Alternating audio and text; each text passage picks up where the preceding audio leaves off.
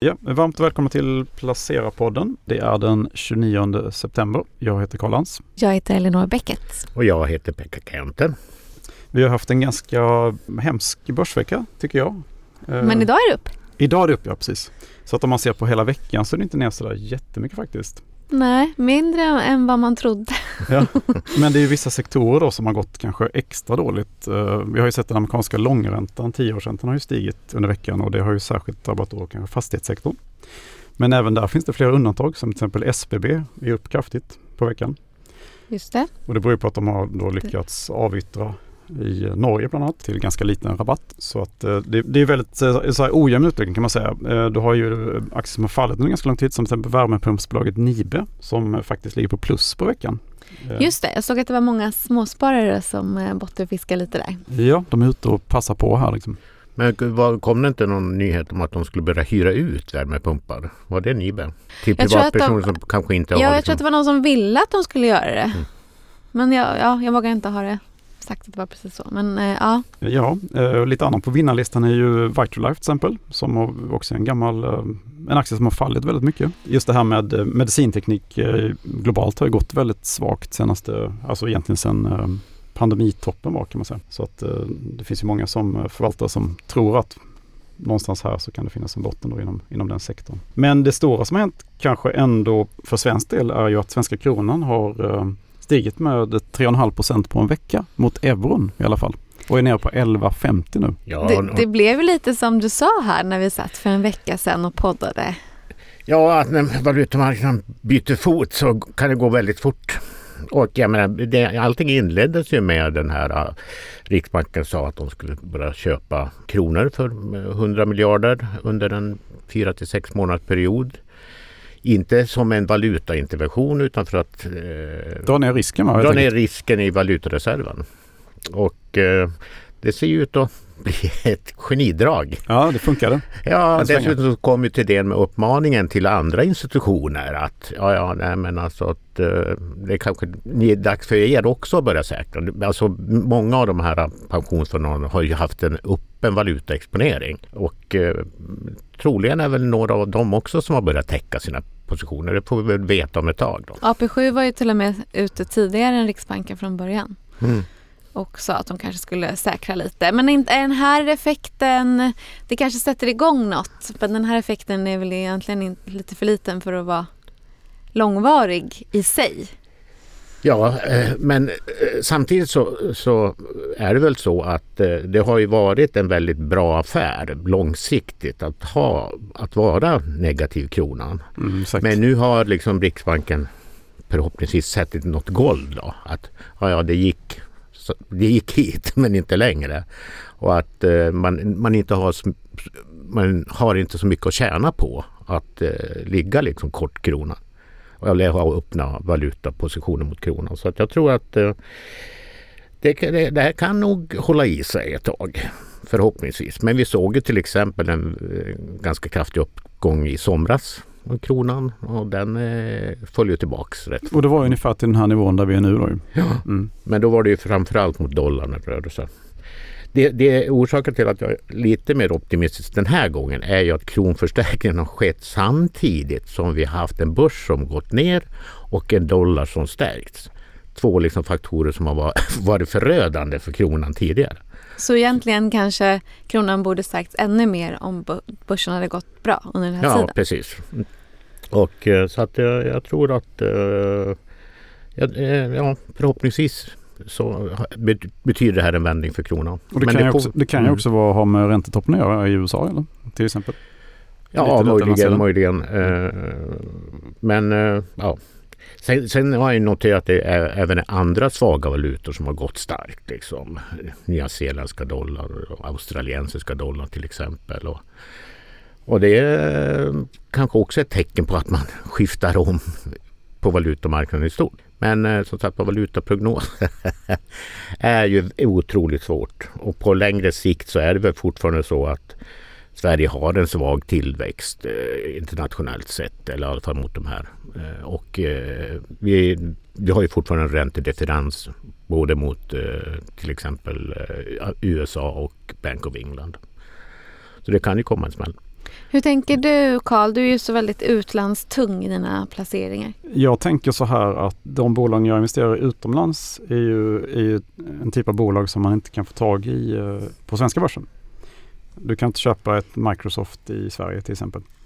Eh, så dels kan du inte få tag i, i själva tekniken i, i Sverige eh, och sen är det också så att om dollarn försvagas så kommer de här bolagen att gynnas ännu mer och det kommer kompensera med råge för den här valut, eventuella valutaförlusten då som jag indirekt gör genom att kronan stärks. Så att jag är inte så orolig för det faktiskt eh, ur, den, ur det perspektivet. Mm. Men däremot kanske man ska fundera om, nu ska, alltså jag tar ju väldigt lite hänsyn till valutor när jag gör mina egna aktie eller fondaffärer, det måste jag erkänna. Men eh, har man väldigt mycket utländska fonder eh, så kanske man ändå ska liksom se över eh, hur, hur exponerad man egentligen är. Ja men särskilt om man är, är då kanske i, i så värdebolagssektorer och sånt där. Då tänker jag att det kan vara, och, och jag ska säga, tillägga också att jag har faktiskt inte köpt eh, euroexponering här. Jag tycker den har varit, kronan har varit alldeles svag mot just euron faktiskt. Mm. Så det har jag faktiskt undvikit de här senaste månaderna. Mm. Jag tänker också att det är ju skillnad då när man tänker Microsoft till exempel då som du tar som ett exempel som enskilt men om man tänker ur ett fondperspektiv så blir det ju mer eh, över ett helt bräde om man säger. Det blir så väldigt tydlig effekt. Ja, det är precis. Det är ju, då är det ju ännu tydligare precis, att man kanske ska vara lite försiktigare helt mm. enkelt med, med sina globalfonder. För det kan ju slå rätt hårt faktiskt. Och så kanske man har mer globalfonder än vad man tror tänker på också för att det inte är någonting man ser när man loggar in på sin internetbank men det är ju även Sjunde AP-fonden mm. och ja, men Jag tänkte på det när jag läste din äh, artikel om din, dina tjänstepensionsfonder. Ja. Att väldigt mycket av avkastningen hade ju kommit från valutasidan. Liksom. Så att eh, ja, så jag uppmanar att man kollar igenom sin exponering. Eh, man kan inte räkna med i alla fall att det ska, eh, man ska få den där valutaskjutsen igen. Men där är också bra, och, och, just med tjänstepension och även annan typ av månadssparande, det är ju att då köper man ju inte bara när kronan är som svagast utan man köper ju under hela tiden. Så man ska ju heller inte överdriva liksom det. Men eh, det är klart att om man, man, kan, man kan ha med sig det, man ska vara informerad men eh, ja, det, det, är svårt. Det, valutor är ju väldigt svårt. Men Elinor, vad, hur tänker du då och har du gjort någonting eh, med tanke på om, kronan skulle stärkas mer här? Eh, jag har ju det och det har jag pratat om flera gånger här att jag har ju, eh, jag har ju sålt LVMH, jag har sålt Nvidia, jag har sålt lite, inte kvar mycket Microsoft men sålt en del Microsoft under de senaste månaderna här. LVMH var ju väldigt bra timing. Eh, ja, ja, men det har varit ganska bra timing så att jag har ju tänkt så lite. Jag har lite riksbankstänk där, golvet i min mm. egen ekonomi också. Eh, jag har köpt sedan tidigare också lite svensk fastighetsfond.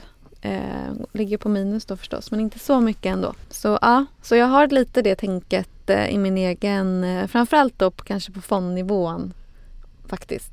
Och eh, nu har ju eh, du och jag Karl har ju tagit över efter vår kära numera ex-kollega Per Ståhl. Och vi ska ha ja, och, eh, och tagit eh, fondbevakningen här och då har ju vi bland annat en grej som vi då skriver om. Det är ju så gör vi med vår tjänstepension. Och där har jag väl gått lite på det att jag har tagit ner lite globalfondsexponering.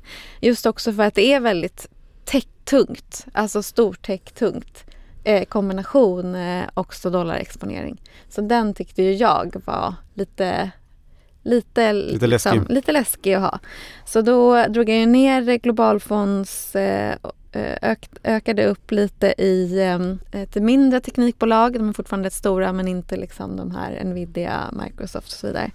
Eh, och lite mer fastigheter och och det är ju verkligen bottenfiske där kan man säga, fastigheter. Det är ju ja. fortfarande på, nere på sin botten. Liksom. Ja, Eller precis. det som kanske är botten, det vet vi inte. Men, men det som man kan tycka, man kan unna sig den lyxen när man pratar om sin tjänstepension att det faktiskt rör sig om, eh, man kan liksom dra ut grafen lite och se hur det har sett ut liksom eh, senaste 30 åren. Mm. Och då kan man ju fundera om jag då som har 30 år kvar till pensionen, hur tror du det kommer se ut då?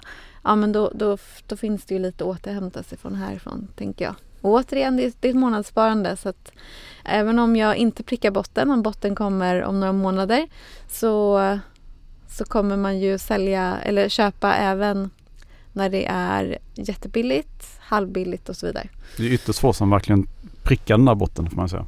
Ja men det, precis. Det gör man ju i princip aldrig. Nej, om man veckosparar kanske man prickar den en gång. Mm. men så det är så jag har försökt tänka. Eh, själv då? Jag har inte hunnit läsa din ännu. Eh, nej men det, jag är inne på samma linje där att det mm, att med, med fastigheter då att jag successivt faktiskt har under hela, ja hela det här året i alla fall har ju ökat min fastighetsexponering då. Ja, och Just du som jag kör både svenskt och eh, lite europeiskt gör jag. Och hur gör du? Jo men jag kör också globalt, eh, en del globalt men eh, ändå, jag har nog ändå majoriteten i Sverige nu Ja. Eh, och jag är både aktier och fonder då faktiskt. Så att, men jag tycker att det, det, värderingarna har kommit ner så pass mycket nu. Vi har liksom legat på, vi har legat ganska stabilt här nere på en låg nivå ändå länge här. Och det talar ju för att man då har nått någon form av eh, eventuellt en botten här. Att det inte finns ytterligare säljtryck i liksom. Eh, plus att vi då, om man ser till vad centralbankerna gör så förmodligen är vi då nära en räntetopp. Och det kanske inte bara valutahandlarna som ska byta fot. Det kanske är aktie marknaden också. Ja, så kan det vara. Vi får se. Vi får hoppas på det. Ja, givetvis. Eh, ja. Det har, ju, det har ju varit ända sedan sommaren egentligen ganska trögt på börsen. Jag menar den svenska uppgången är ju nästan utraderad. Det är väl bara eh, utdelningarna i princip som mm. gör att vi ligger på plus. Ja. Nu får vi kanske någon procent idag då. Men eh, ja, det är ju lite samma bild i USA att de här förutom Nasdaq-börsen som gått tokbra så har ju liksom Dow Jones och den här Russell 2000 som är ett lite mer småbolag. Alltså de är ju, går, ju ungefär, går ju ungefär som den svenska börsen. Mm, det vill säga oförändrade då nästan? Ja, i princip. Men idag kommer lite inflationssiffror, eller hur? Yes. Vad tror du om, vad kan det, kan, vad kan det vara för siffror och varför skulle de kunna vara av intresse? Ja men alltså det är ju eh, inflationssiffror för e, EMU-området och det kom ju italienska, eller tyska och spanska siffror igår. Tyska inflationen föll kraftigt, vilket var väntat. Eh, kanske föll lite mer ändå. Spansk inflation var däremot lite högre än väntat. Så det blir väldigt spännande. Nu är det ju bara en halvtimme kvar till siffrorna kommer. Så, eh, så det är kanske lite dumt att spekulera i det. Vad de ska landa på. Men eh, det ska ske en kraftig nedgång. Och det borde vara positivt och minska trycket på ECB. För att det är ju, väger ju ganska jämnt med, fortfarande på marknaden vad man tror att ECB ska göra här på sitt nästa möte. Om man kommer att höja eller och ligga still. Så att eh, det kan betyda mycket. Får vi en svag siffra så ja, då kommer räntepausen att, att eh, vara här. Och då kanske man också börjar spekulera i att även räntetoppen är passerad. Det kan ju vara något för börsen. Mm, det var ju, var ju ett mumma för börsen kan man säga. Jajamän. Mm. Uh, ja, jag har kollat lite på um, analytikerrekommendationerna för uh, några par europeiska börser och uh, för Nasdaq också. Vi pratade om LVMH här alldeles nyss och det är ju fortfarande då trots eh, nedgången här en analytikerfavorit på franska börsen. Så att det är runt, eh, runt 80% av analytikerna sätter ju fortfarande köp på den. Och den har ju fallit tillbaka ganska kraftigt här faktiskt. Så den ligger väl nästan eh, flätt på året tror jag.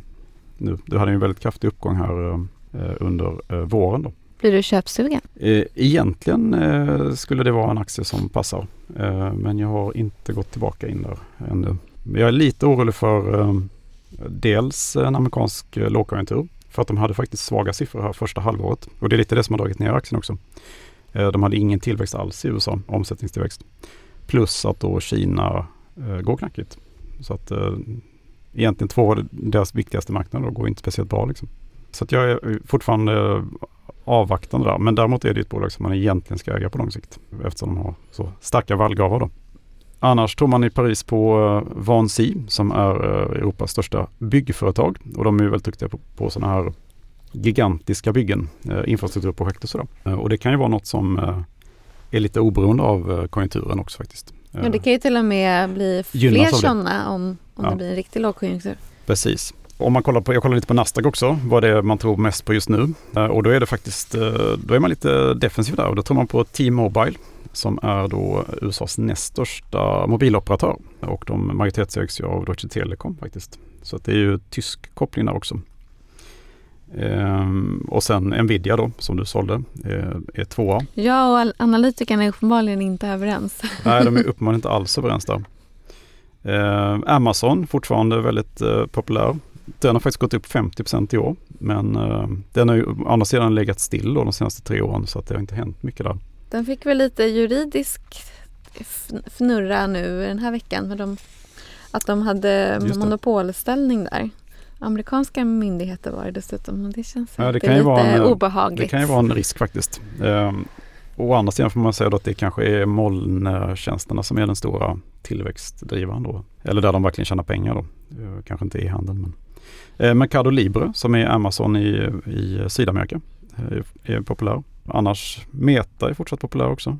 78% gillar den. Microsoft 76 procent av analytikerna sätter fortfarande köp. Ungefär 20% upp till riktkurs. Så att eh, ja, Nasdaq eh, finns fortfarande en del heta bolag. Om man kollar på Tyskland så är det faktiskt Deutsche Telekom som eh, toppar listan. 89 procent som sätter köp på den. Och två är Daimler Truck som då är världens största lastvagnstillverkare. Före Volvo. Och tre är Rheinmetall som är då Tysklands Saab kan man säga. Eh, alltså en, en mångfacetterad vapentillverkare. Du har fått luft under vingarna här eh, senaste två åren. Men den måste ha gått jättebra? Ja, ja den har gått otroligt bra.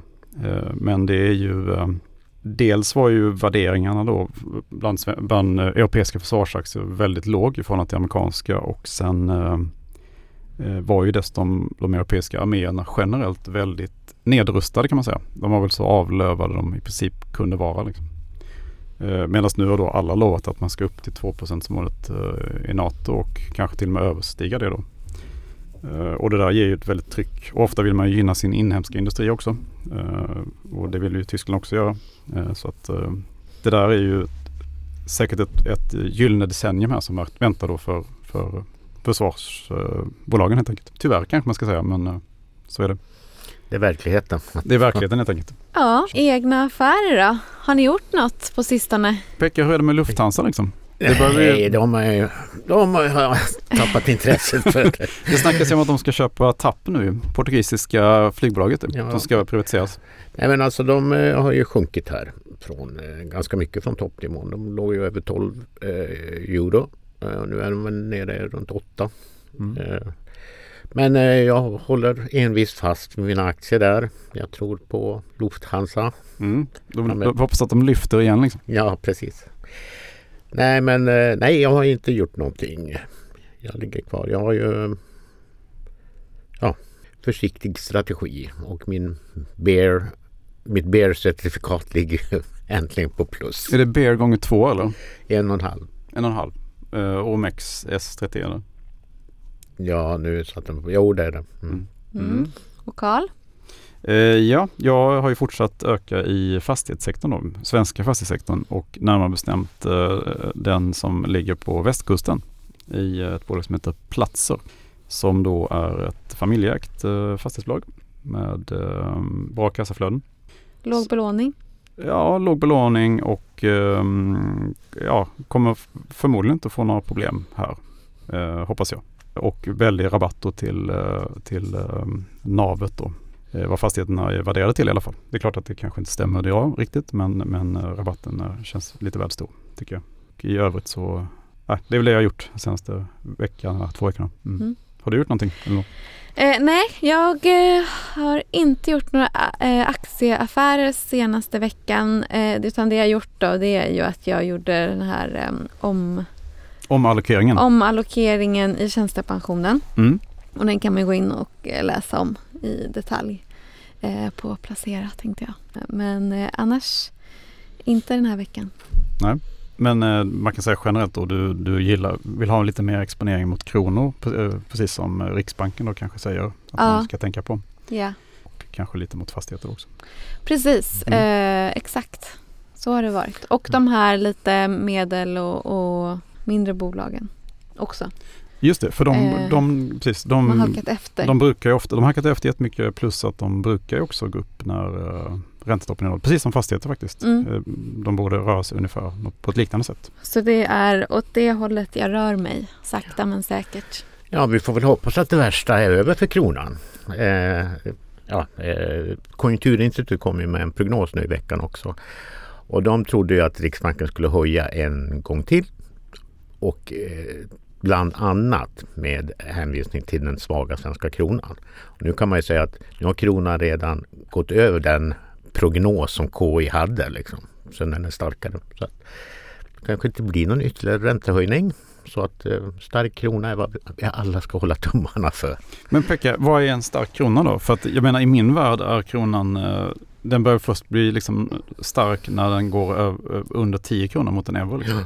Ja, jag tycker att den ska ligga en bit under 10. Ja, Eller runt 10. runt 10.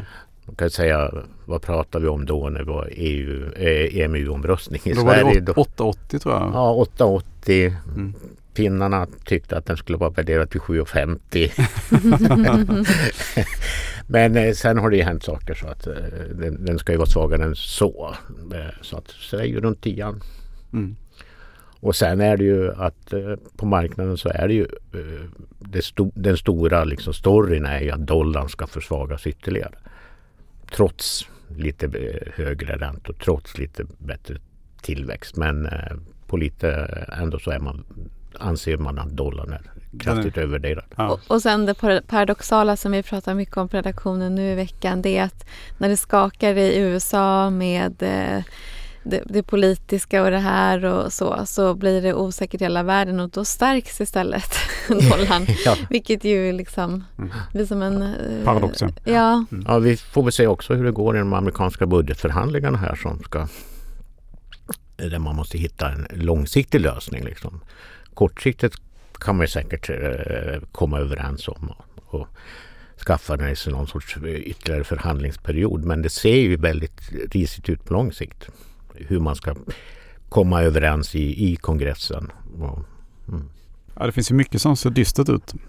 Men eh, det brukar vara så där att världen fortsätter att, att existera och eh, gå, gå framåt ändå på något sätt. hitta sina vägar. Exakt. Ja, vi Yes. får väl hoppas att eh, helgen går i lite muntrare toner då. Ja, det Än vad vi börsen har göra. gjort senaste veckan. Verkligen.